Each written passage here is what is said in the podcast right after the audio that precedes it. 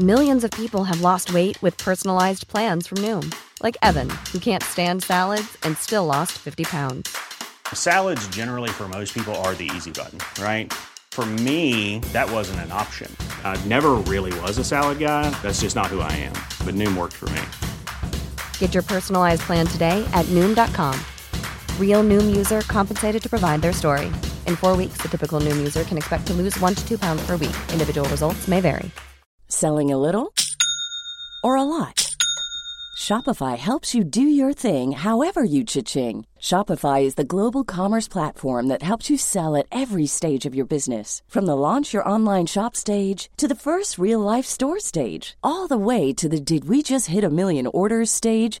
Shopify is there to help you grow. Shopify helps you turn browsers into buyers with the internet's best converting checkout. 36% better on average compared to other leading commerce platforms because businesses that grow grow with Shopify. Get a $1 per month trial period at shopify.com/work. shopify.com/work. Jewelry isn't a gift you give just once. It's a way to remind your loved one of a beautiful moment every time they see it. Blue Nile can help you find the gift that says how you feel and says it beautifully with expert guidance and a wide assortment of jewelry of the highest quality at the best price. Go to BlueNile.com and experience the convenience of shopping Blue Nile, the original online jeweler since 1999. That's BlueNile.com to find the perfect jewelry gift for any occasion. BlueNile.com.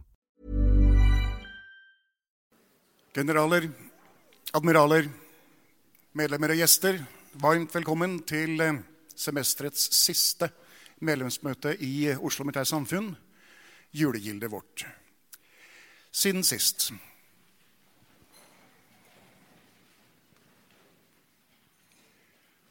har følgende medlem av Oslo Militære Samfunn gått bort, general Sigurd Frisvold, den 29. november.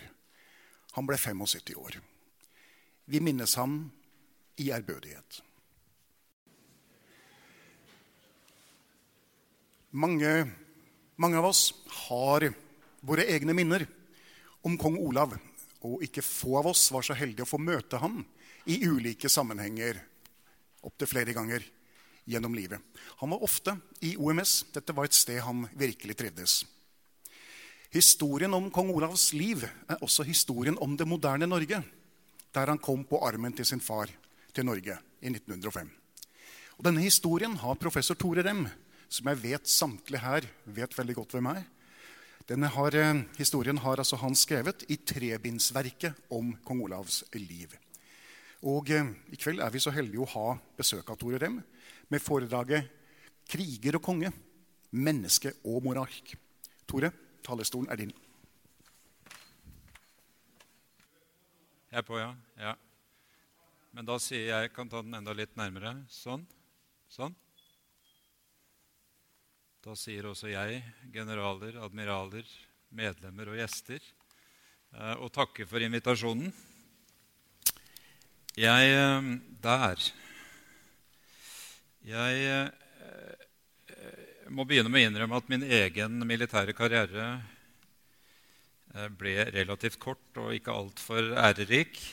Den begynte og sluttet som menig med det uheldige tallet 13 13 rem på Terningmoen i infanteriets skyte- og vinterskole på sent 1980-tall. Eh, jeg ble frista til å være ørlite grad selvbiografisk innledningsvis. Eh, bunnpunktet i min militære karriere, liker jeg å tenke, det kom den dagen jeg hadde fått perm for å lese til eksamen filosofikum. Permisjonsdagen måtte tilbringes i leiren hadde den, den litt strenge kapteinen bestemt. Og så gikk dessverre kuppberedskapsalarmen klokka fem.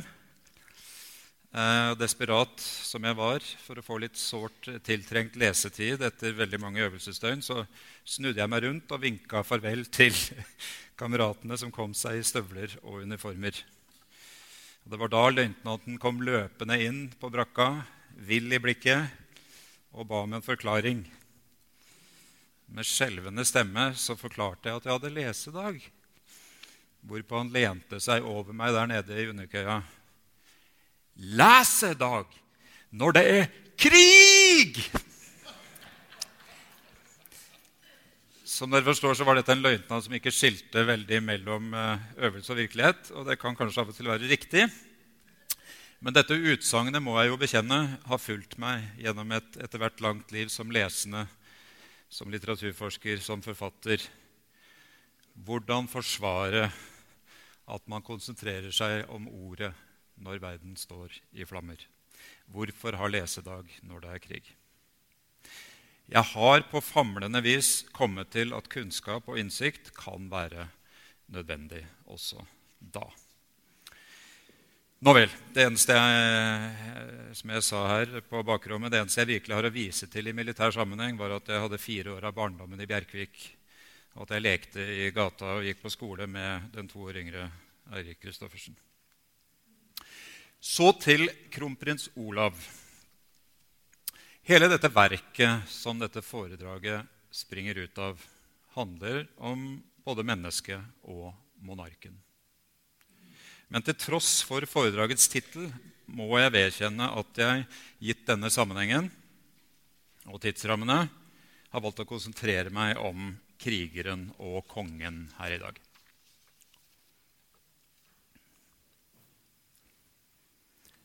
Jeg vil vise dere en del bilder Eh, noen av dem temmelig eller helt ukjente. Og så vil jeg flette dette sammen eh, med noen korte utdrag fra biografien. Det blir antagelig mer fortelling enn analyse. Og jeg vil gjennom å lese noen korte utdrag at dere skal få følelsen av tonen i denne teksten. Eh, la meg bare med en gang si at det finnes svært mye mer om den militære Olav og om forsvarsvennen Olav i disse bøkene men kanskje vil dere få lyst til å lese selv. Jeg begynner med et bilde fra Olavs barndom. Det antyder vel eh, at en karriere i det militære var nærmere ja, forutbestemt for den norske kronprinsen. Selvsagt handlet det om forventninger. Her er han på det store Sandringham-godset i Norfolk med to av sine fettere. Um, Eh, altså George den femtes barn. Allerede da gutten var tre år, hadde det blitt meldt hjemme i Norge at prins Olavs mest populære gave under forrige opphold i England var tinnsoldatene han hadde fått av morfaren, kong Edvard den 7. Senere i Olavs barndom så fikk detektivinspektør Herbert Fitch stadig anledning til å observere den unge Olav i lek med fetterne Henry, John og George på det enorme godset. Sandringham, altså. Også der hadde de store hærer av tinnsoldater til disposisjon. Det var fort og skyttergraver og kanoner. Hver dag førte de store slag og lot sine armeer marsjere frem, stille opp i slagformasjoner og kjempe mot hverandre til siste blodsdråpe, fortalte denne politimannen i sine erindringer mange år senere. Olavs onkel George, altså den senere George V, eller Georg 5., var slett ikke prinsipiell motstander av krigsleker. Men han foranstaltet visse regler de små prinsene fikk ikke leke at de var europeiske nasjoner. I barnas verden burde det å føre krig mot egne slektninger unngås. Jeg minner om at eh, de kongelige var en internasjonal familie. Dette var altså en stund før første verdenskrig. må det også sies. Motstanderne ble i stedet kalt de gule fordi den gule fare da var blitt et aktuelt begrep, eller de var marsboere i krig mot jorda. På denne tiden hadde nemlig en amerikansk astronom fortalt at han hadde mottatt, mottatt uforståelige budskap fra Mars. Typisk nok var det slik at eh, når nye gutter fikk være med eh, på leken med de eldre generalene, fikk de ansvar for de gule eller for marsboerne. De større, de større gutta kommanderte sine hvite eller jordiske tropper. De unge prinsesoldatene hadde, de kunne sin drill og hilste dagens offiser med stor presisjon. Onkel George Dette bare for å antyde hvor militær tenkningen var.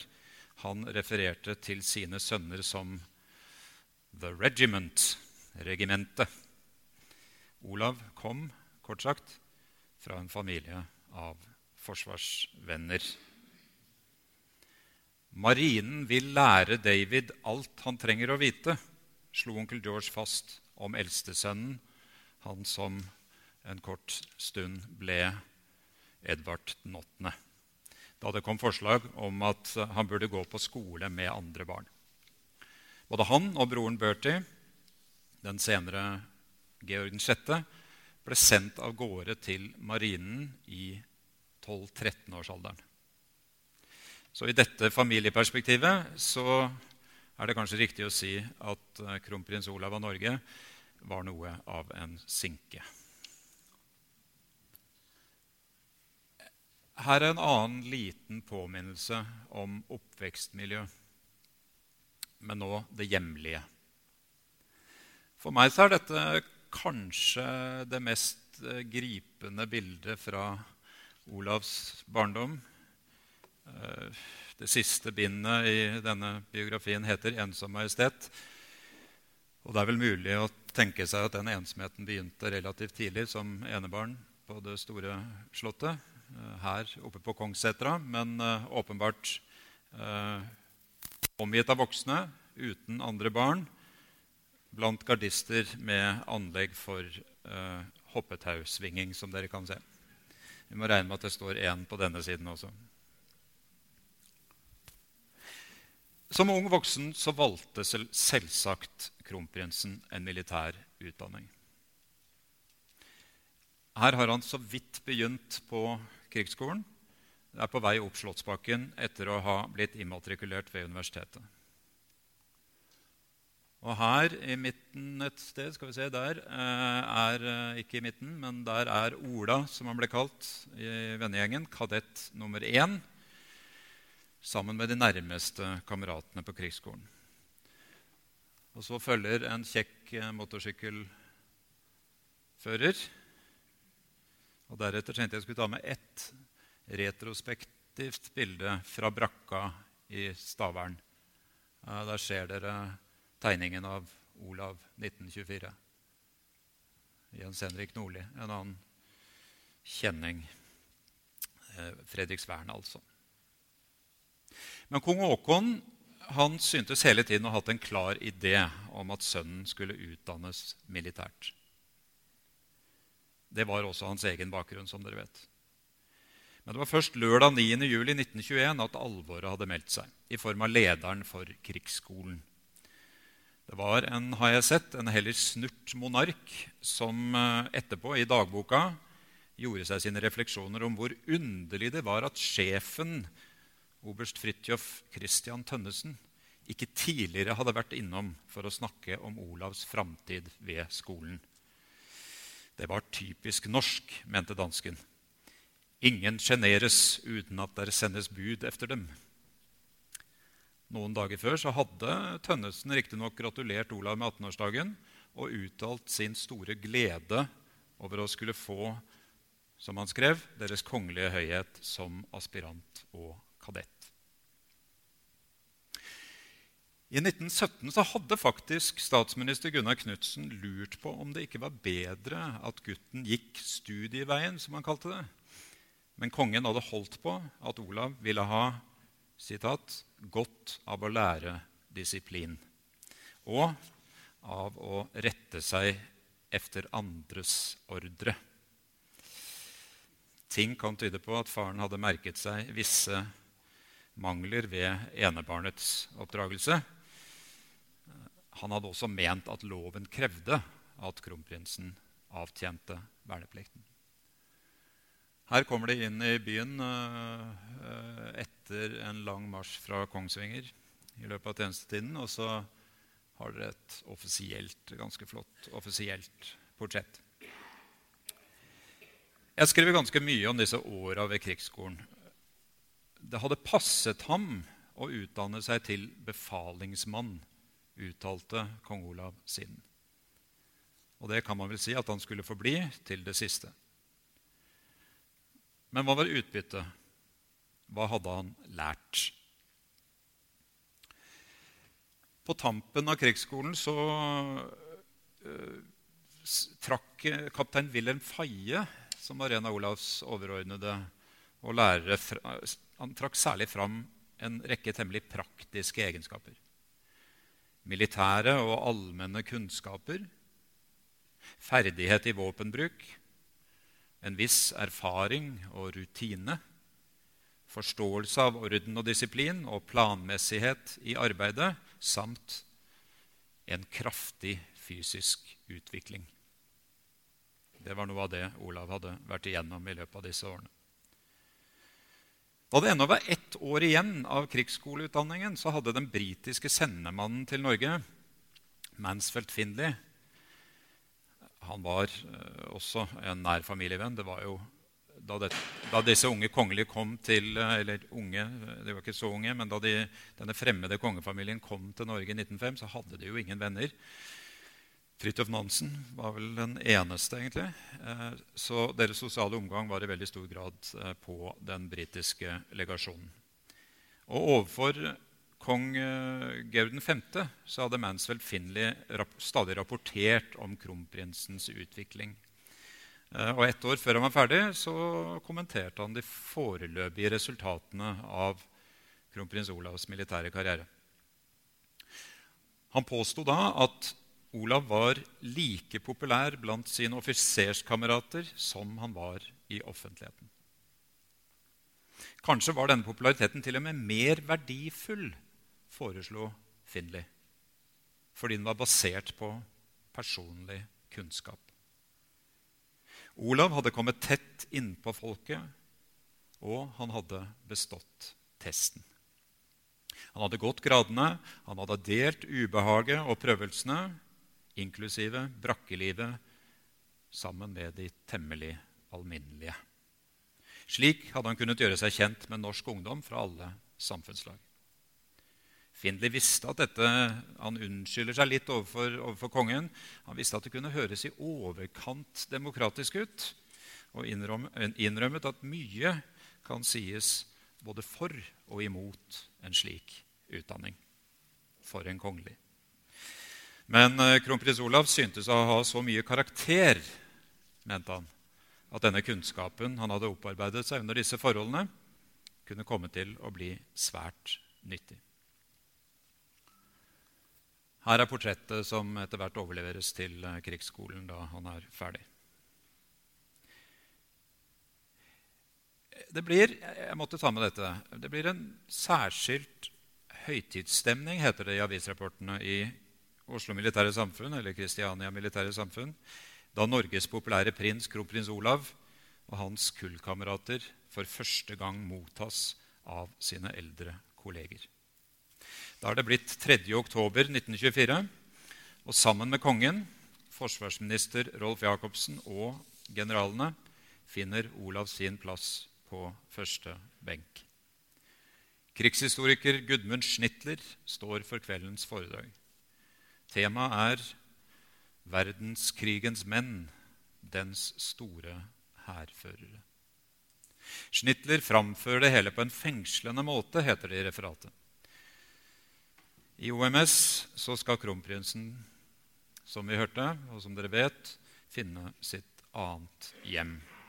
Livet ut skal han, så sant det er mulig, tilbringe mandagskveldene her blant sine offisersvenner. Siden skulle han si at hadde han ikke måttet bli konge, ville han blitt yrkesmilitær. Og I de mange årene hvor han slet med å fylle kronprinsrollen med mening, var Forsvaret en slags redning. Og så, selvfølgelig, i fem år under andre verdenskrig, ble det militære hans hovedbeskjeftigelse. Da han i 1953 tok imot forsvarssjefen og sjefene for forsvarsgrenene på sin 50-årsdag, fortalte han at han aldri hadde angret på den vei han hadde valgt, og aldri mistet sin interesse for alt som angikk det militære i vårt land. Hva gjaldt utdanningen, mente da kronprinsen at den bl.a. hadde gitt ham muligheter til å sette seg inn i den alminnelige manns tenkesett. At han slik fikk forståelse for de ulike samfunnsklassene i landet. Forsvaret som dannelsesagent, kunne man kanskje si, som demokratisk, demokratiserende institusjon. Det var så å si gjennom å tre i uniform at folket var blitt hans eget. Da Ola eh, som forlover hadde holdt tale i krigsskolekameraten Emil Nikolaisens bryllup, så var det ikke minst vennskapene han hadde lagt vekt på. Krigsskolen var en skole med en temmelig sitat, Dette har jeg fra den håndskrevne talen som ligger i Slottsarkivet. Særegen evne til å utvikle godt kameratskap, mente han. Som om man den gang hadde tatt en slags eksamen i kameratskap. Og særlig to eh, i offentligheten ukjente mennesker eh, skal stå han særlig nær helt til de går bort på 1970-tallet. Og Det er Nils Ramm og den førnevnte Nikolaisen. Jeg tror de antagelig var hans nærmeste venner. Først og fremst så synes kronprinsen i 1920- og 30-årene utover familieliv og en smule uh, gårdbrukervirksomhet på Skaugum og har hatt gleden av sin videreutdanning i det militære da jeg kom inn, altså Det tok litt tid før jeg så dette her. altså jeg kom inn i arkivene for uh, åtte og et halvt år siden eller noe sånt nå, og begynte å jobbe, så tok det litt tid før jeg klarte å kartlegge det. Før jeg skjønte hvor helt vesentlig Forsvaret var for han. På, etter at han var ferdig med utdanningen i Oxford. altså Først krigs, krigsskolen, så to år i Oxford. Og etter det så var det det militære som ga ham mening vil jeg si, i tillit til at det naturligvis var en fin ting å stifte familie og få barn. Eh, men i det offentlige, i det offentlige virket så handlet det om det militære. Eh, stadig så overvar han detasjementsøvelser, eh, gjerne sammen med faren. Aller oftest så synes han har vært innom jeg holdt på å si mitt alma mater, men infanteriets skyteskole på Terningmoen. Og dessuten Trandum, Gardermoen og Hvalsmoen. Etter en sommer som nestkommanderende ved rekruttskolen på Elvegårdsmoen Jeg måtte nesten ta med det, for det er altså her, si her, ikke akkurat i denne leiren, men det er Bjerkvikfjellet i bakgrunnen. Jeg regner med at en del har vært på de kanter. Uh, etter en sommer som nestkommanderende ved rekruttskolen der, så var neste ledd i militærutdanningen infanteriets vinterskole. Skolen var blitt opprettet først i 1923 og holdt årlige kurs på 24-30 dager for befal. Han hadde stilt til tjeneste på Valsmoen søndag 30.1.1927, og prinsens tilnærming var den samme som den hadde vært under krigsskolen. Han trådte inn i geledd og fikk plass etter tjenestealder og ansiennitet. Sitat, Noen fordel fremfor andre ville han altså ikke ha. Sitat slutt. Og slik fortsetter det gjennom 30-årene med stadig nye kurs og etterutdanninger.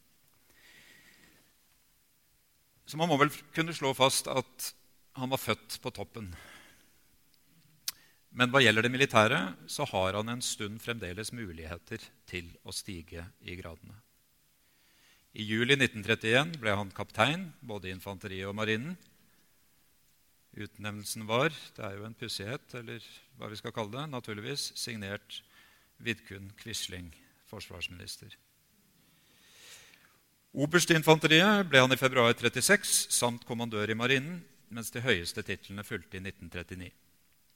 Fra Slottet het det 14. juli dette året Vi beskikker vår sønn, oberst i infanteriet, Hans Kongelige Høyhet kronprins Olav, til general. Samtidig gis Hans Kongelige Høyhet grad som admiral. I 1944 kom uh, utnevnelsen til general også i Luftforsvaret. Dette er et lite frampek. Kronprinsens viktigste formelle verv før krigen hadde han påtatt seg i januar 1940. Olav var da blitt øverste leder for et nytt program for frivillig militær opplæring. På årets første dag underskrev han en oppfordring som ble rykket inn i landets aviser. Under forutsetning av at Stortinget godtok opplegget, så vil man iverksette kurser for frivillig militær opplæring under militær ledelse, het det der. Og særlig appelleres det til tidligere øvede geværmenn og maskingeværmenn, men også til andre frivillige mellom 18 og 20 år. Det hastet. De håpet å kunne sette i gang snarest mulig, senest 1.2. Allerede 16.1.1940 så kunne Dagbladet og her må jeg si at jeg tenkte på min kjære fordumsløytnant mellom om krig i Sørkedalen i dag. Det var altså en øvelse. Eh, ennå er det ikke riktig alvor, bortsett fra at det er 23 kuldegrader, iskald nordavind som går gjennom marg og bein, og at kronprinsen var til stede. Soldatene brukte tiden til å slå floke, og innimellom så ble det ført hissig krig, het det, et sted mellom Bogstad og Voksen. Aftenposten rapporterte at kronprinsen fulgte de tre studenterkompaniene på til sammen 360 mann med stor interesse. Han hilste avdelingene med et kraftig 'god dag, karer'. Så skjer det. Så blir det alvor. Så kom krigen til landet. I arbeidet med denne store kongebiografien så fant jeg på et tidspunkt ut at jeg måtte ha et eget krigsbind. Det var én kritiker som påpekte, en kritiker i Klassekampen som påpekte at syntes det var veldig merkelig at jeg skulle bruke så mye plass på 5% av denne mannens liv. Jeg måtte regne på det. Jeg fant ut at det var faktisk 6% Men uh, av og til så er det vel sånn at 5% kan være viktigere enn veldig, mye, veldig mange andre prosent. Og det var resonnementet. For det første fordi krigen, som vi vet, så sterkt bidro til å sikre monarkiets stilling i dette landet. Sammen med den nye alliansen som ble dannet mellom kongehus og sosialdemokrati, kunne man nok si, så var den krigen avgjørende for kongedømmets utvikling og senere status. For det andre så skulle Olav resten av livet forvalte minnene om denne krigen. Den ble ham, så å si. Og han ble krigen. Han ble et svært viktig tidsvitne. Han avduket minnesmerke etter minnesmerke. Han markerte jubileum etter jubileum. Og han opptrådte, som dere vil huske, stadig i uniform. Slik var det helt til den siste våren 1990, da den nesten 87-årige monarken på særdeles hektisk vis var med på en mengde markeringer av at det var 50 år siden krigsutbruddet. Krigen ble avgjørende. Endelig fikk kronprinsen noe meningsfylt å ta seg til. En gang i løpet av de foregående årene, sent på 30-tallet, så hadde han betrodd seg til vennen og seilermentoren Johan Anker. Det er en skitt metier å være kronprins, for i grunnen får jeg ikke får jeg ikke lov til å gjøre noe virkelig arbeide, hadde han sukket. En av hans forfedre, Fredrik 4., skal ha kalt sin kronprinseksistens for en bandsatt tilværelse mellom intet og alt. Men så kom sjansen for kronprins Olav for noe som kunne ligne alt, kanskje til og med intet eller alt, selv om han da ennå ikke var blitt konge. Jeg spoler fram til de kongeliges mest dramatiske opplevelse under felttoget. Og går et bitte lite øyeblikk inn i handlingen for at du skal få et, et lite inntrykk av hvordan Olav agerte. Mom deserves the best, and there's no better place to shop for Mother's Day than Whole Foods Market. They're your destination for unbeatable savings, from premium gifts to show-stopping flowers and irresistible desserts. Start by saving 33% with Prime on all body care and candles. Then get a 15-stem bunch of tulips for just $9.99 each with Prime. Round out Mom's menu with festive rosé, irresistible berry chantilly cake, and more special treats. Come celebrate Mother's Day at Whole Foods Market. Market. Hey, it's Ryan Reynolds, and I'm here with Keith, co star of my upcoming film, If, only in theaters, May 17th. Do you want to tell people the big news? All right, I'll do. it. Sign up now and you'll get unlimited for $15 a month in six months of Paramount Plus Essential Plan on us. Mintmobile.com slash switch. Upfront payment of $45 equivalent to $15 per month. Unlimited over 40 gigabytes per month. Face lower speeds. Videos at 480p. Active Mint customers by 531.24 get six months of Paramount Plus Essential Plan. Auto renews after six months. Offer ends May 31st, 2024. Separate Paramount Plus registration required. Terms and conditions apply if rated PG. Klokken 15.30 11. april finner kronprinsadjutant Nikolai Ramm Østgaard tid til å forfatte et kort brev til kona Ragnhild, som er blitt med kronprinsessen til Sverige. Han og hans overordnede slenger igjennom så godt de kan. Leker litt gjemsel i skogen en gang iblant og sover ikke så altfor meget, skriver adjutanten. Lettere kokett. Han innrømmer at seniorsjefen, altså kongen, nå må, gjennomgå en sterk påkjenning både på nerver og krefter. Dagen før hadde Håkon vært svært trøtt, men denne dagen er det bedre. Hva gjelder kronprinsen, er bildet så å si uten skygger. Junior har det bare bra. Så skjer det. Uten at de er klar over årsaken, at Elverum blir utsatt for massiv tysk bombing, har de mistet telefonkontakten med dem lenger vest. Til slutt har noen likevel fått et varsel om at bombefly er på vei i deres retning.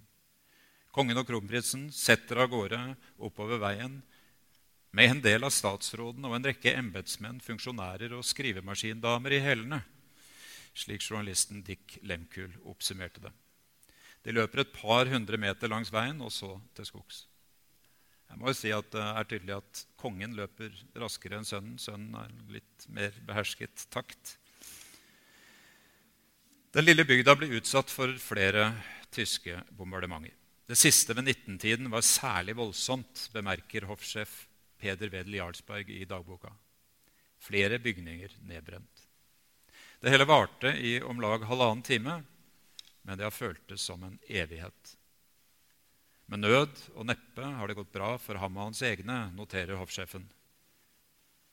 De kongelige som hadde søkt skjul i et skogsnarr, var gang på gang utsatt for direkte mitraljøsebeskytning idet flyene passerte frem og tilbake over oss, og ganske lavt.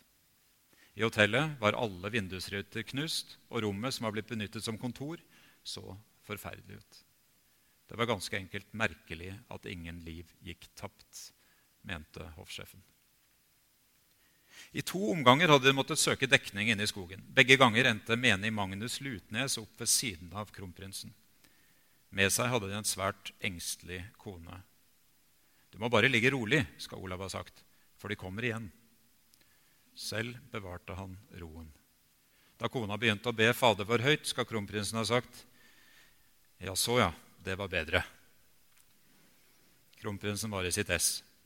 Trygve Lie forsyningsminister på det tidspunkt, snart utenriksminister, skulle fortelle at Olav hadde vært rolig som alltid da han kom ut av skogen igjen. Nybergsund blir en formativ opplevelse. Olav skal stadig vende tilbake til denne begivenheten. Den demonstrerte tyskernes brutalitet, deres ønske om å tilintetgjøre konge, kronprins og regjering. I to unike tidlige rapporter som jeg gjengir i, dette krigsbindet, avsendt i april-mai, så bærer han vitnesbyrd om nettopp dette. I ett brev til fetteren Bertie, Georg 6. av Storbritannia, og i et annet til president Franklin D. Roosevelt. Etter Nybergsund var det aldri tale om noen sympati med tyskerne. Eller noen tro på at Hitlers Tyskland og hans eget England ville kunne forsones. Det hadde han hatt tro på eh, helt altså fra verdenskrigens utbrudd i, i september 39 og fram til ikke veldig lenge før uh, krigsutbruddet her hjemme. Olav 5., uh, krigeren, som det bindet heter, handler om det dramatiske felttoget og om en kronprins som aller helst vil, bli, som aller helst vil til fronten En som til og med ønsker å være igjen med sitt folk da eh, avskjeden fra Tromsø er blitt bestemt. Og selvsagt så handler det om det lange eksilet på begge sider av Atlanteren. Jeg forsøker å bringe nytt stoff inn i krigshistorien gjennom å følge denne mannen eh, og hans perspektiv så tett som mulig. Men her har dere jo det kanskje aller mest berømte av dem alle. Berømte bildet av dem alle. Det blir litt senere også dager med heftig bombing i Molde, foruten dette fotografiet foran hvite bjørkestammer, før britene instruerer de kongelige og regjeringen i å komme seg bort. Slik ender konge og kronprins i Indre Troms på hytta med navnet Trangen.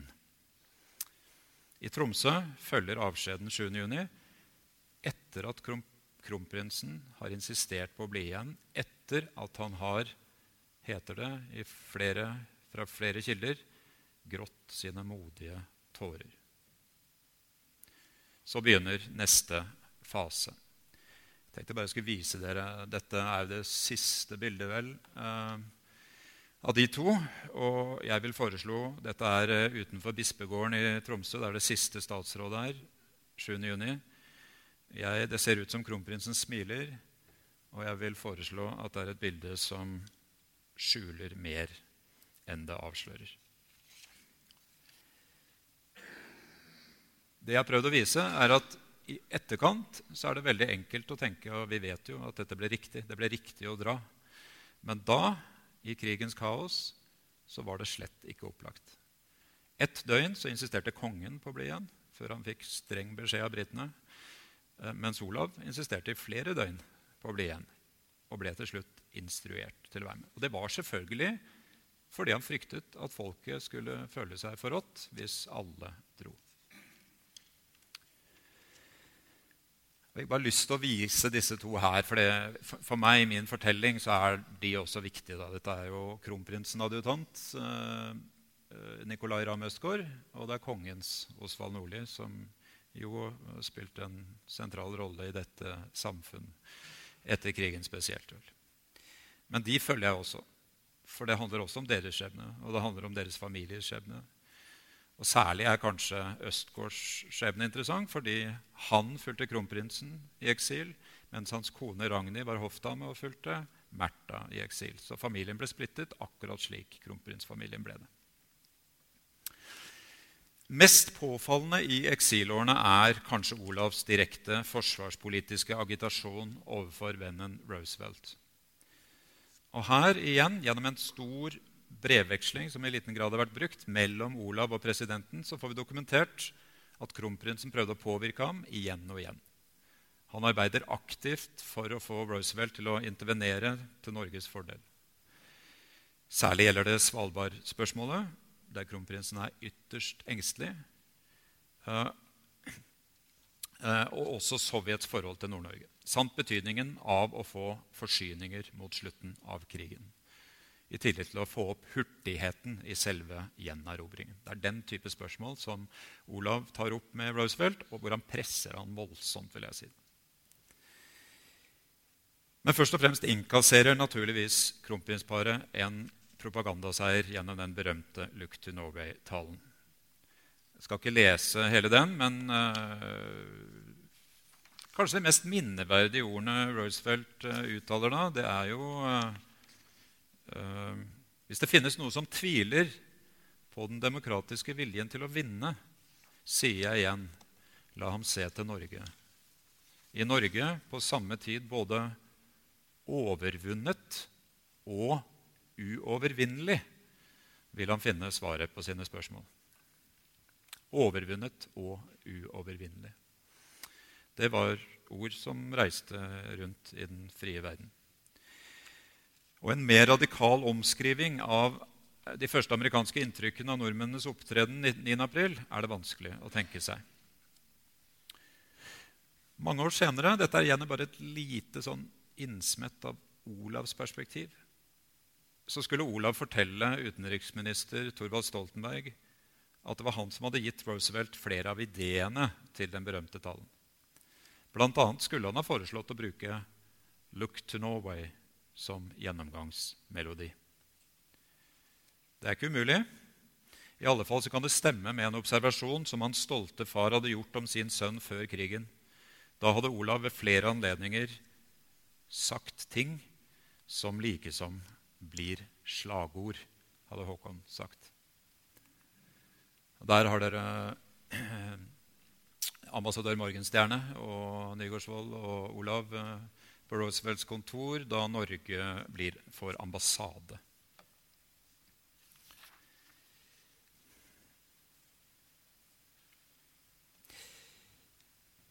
Han, visste, han, viste en dristighet under krigen ved noen anledninger som Østgaard bl.a. reagerte sterkt på, fordi han mente han tok for store sjanser.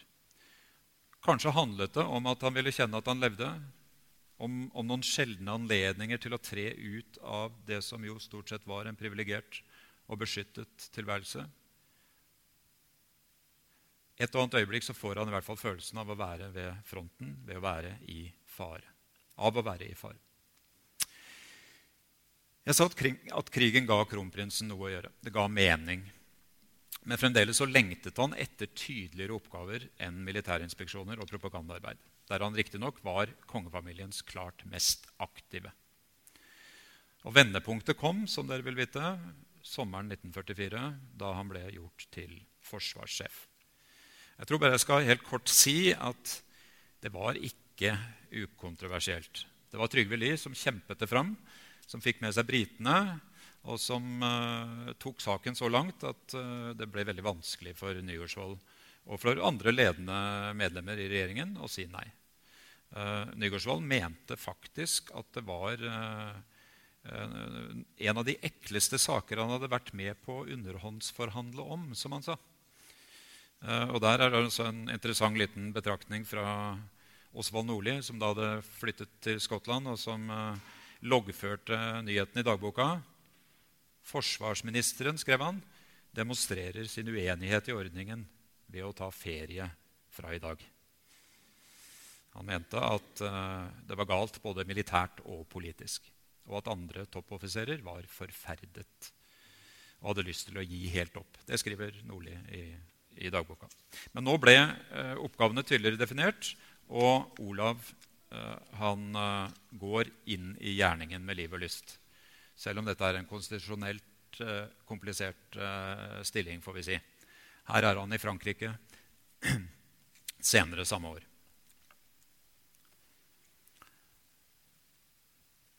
Selv, men også som forsvarssjef så kommer han seg over til USA dette siste året. Det var egentlig en betingelse for at han skulle bli det, bare at han ikke skulle få den årlige familieturen over til USA. Men det gjør han dette året også.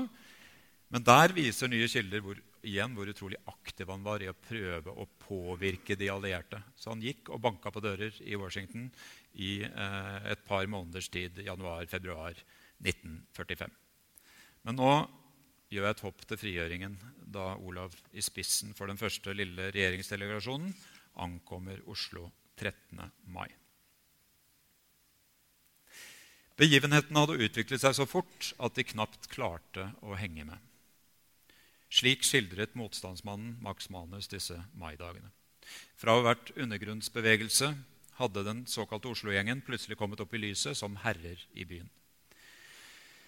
Nå ventet de kronprinsen, og de hadde fått beskjed om å stå for vaktholdet. Selv hadde Manus fått den tvilsomme æren av å være det han kalte goalkeeper. Han skulle sitte oppe i bilen når den hjemvendte kongelige ble fraktet gjennom Oslos gater for å ta imot dersom noen skulle kaste håndgranater eller sprengstoff deres vei. Så er han endelig i land, den lenge savnede. Han har iført sin norske feltuniform. Den er fæl, eh, ifølge Gunnar Jan, som mener kronprinsen er kjekk og rørig, men eh, nokså tykk. Max Manus avsikrer maskinpistolen, og Olav inspiserer hjemmestyrkene. Ifølge mytologien skal forsvarssjefen ha hilst motstandsmennene med replikken Det lukter skau av dere, gutter.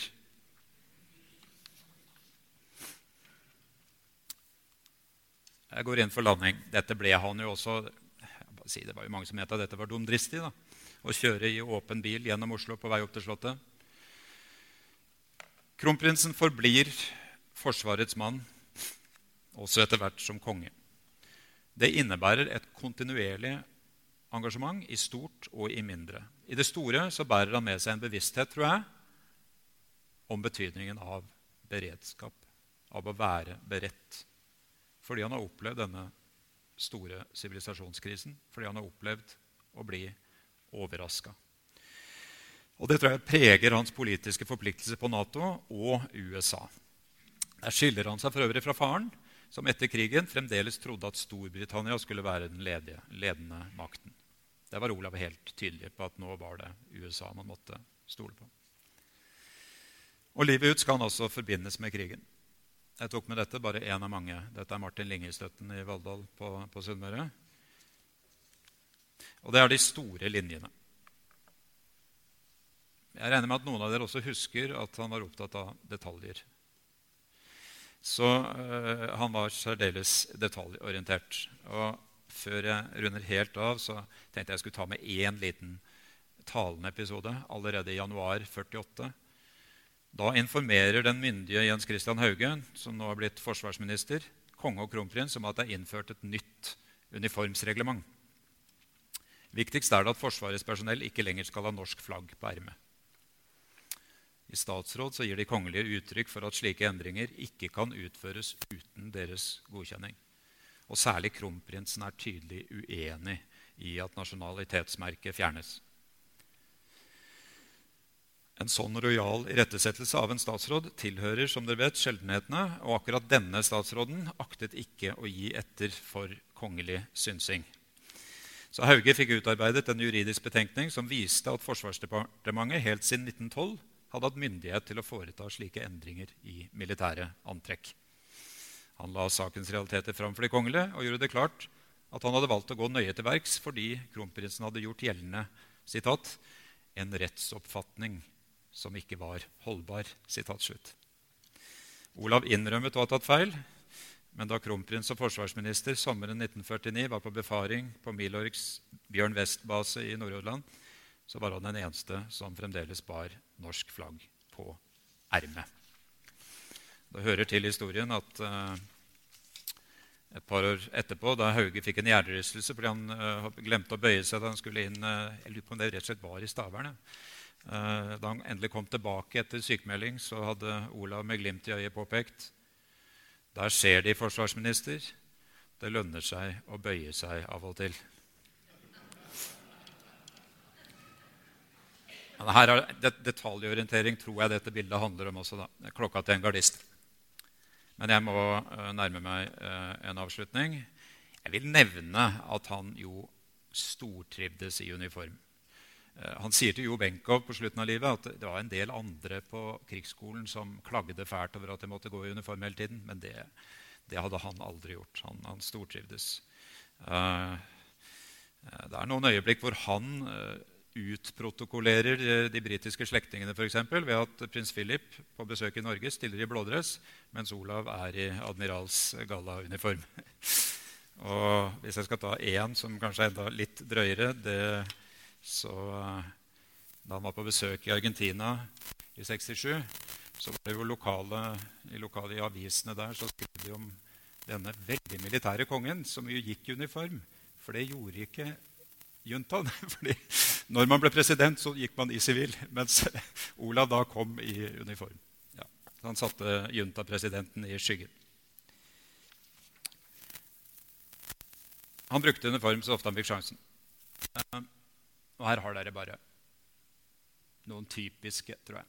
Der har dere temperamentet. Jeg tror det er veldig få eksempler på at det er dokumentert, men uh, det var der. Og så skal jeg bare si noe til slutt om uh, våren 1990.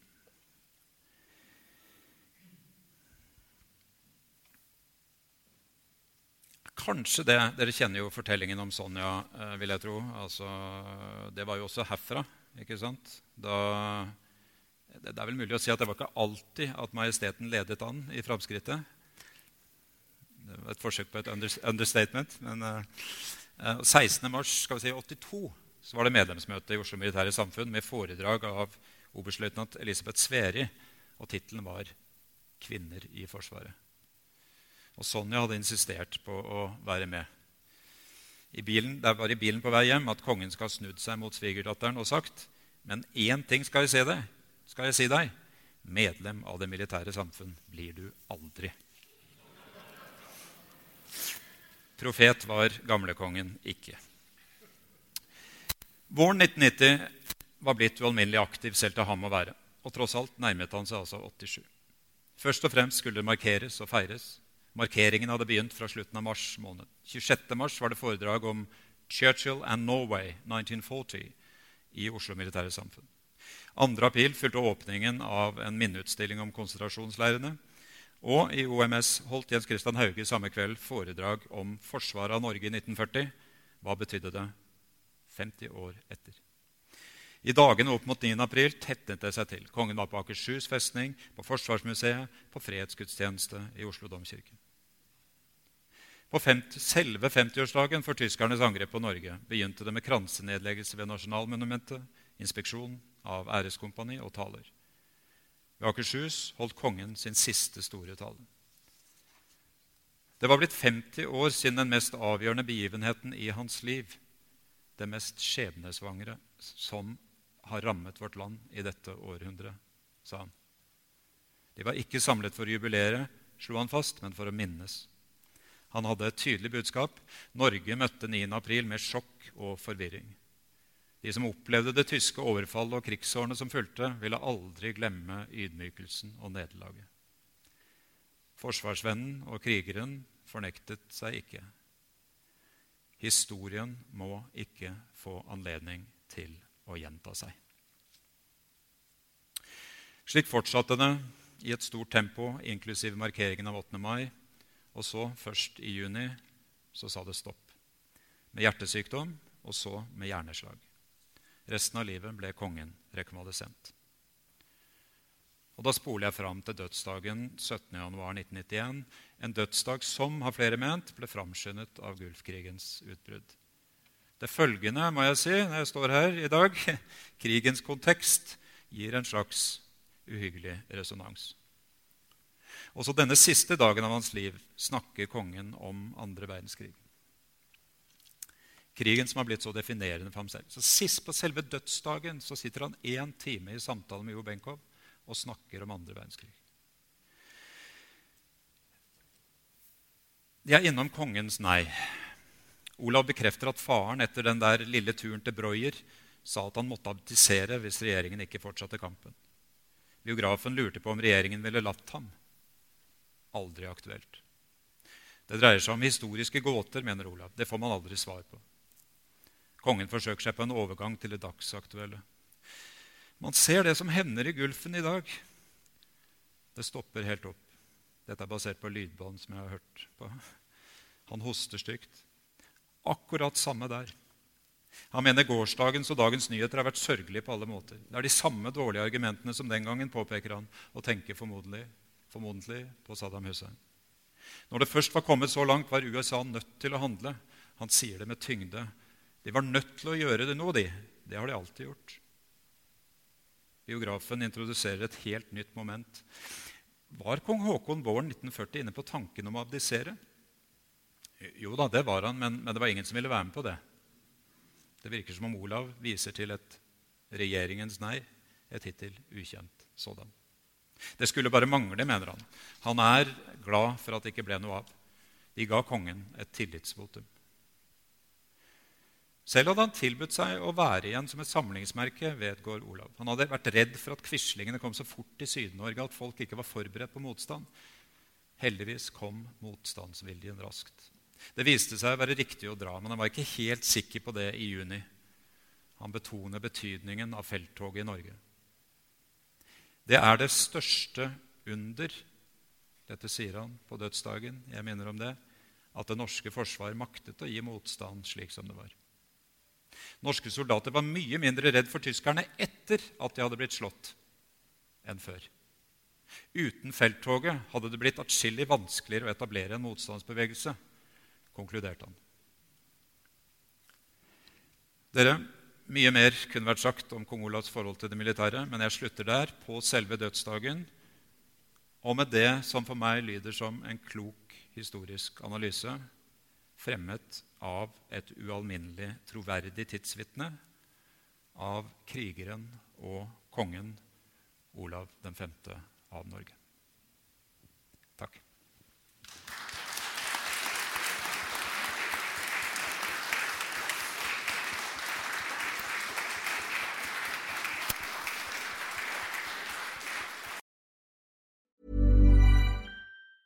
Mom deserves the best, and there's no better place to shop for Mother's Day than Whole Foods Market. They're your destination for unbeatable savings, from premium gifts to show-stopping flowers and irresistible desserts. Start by saving 33% with Prime on all body care and candles. Then get a 15-stem bunch of tulips for just $9.99 each with Prime. Round out Mom's menu with festive rosé, irresistible berry chantilly cake, and more special treats. Come celebrate Mother's Day at Whole Foods Market. Hey, it's Danny Pellegrino from Everything Iconic.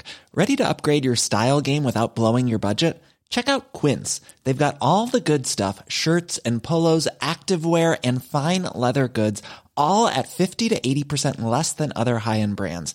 And the best part? They're all about safe, ethical, and responsible manufacturing. Get that luxury vibe without the luxury price tag. Hit up quince.com slash upgrade for free shipping and 365 day returns on your next order. That's quince.com slash upgrade.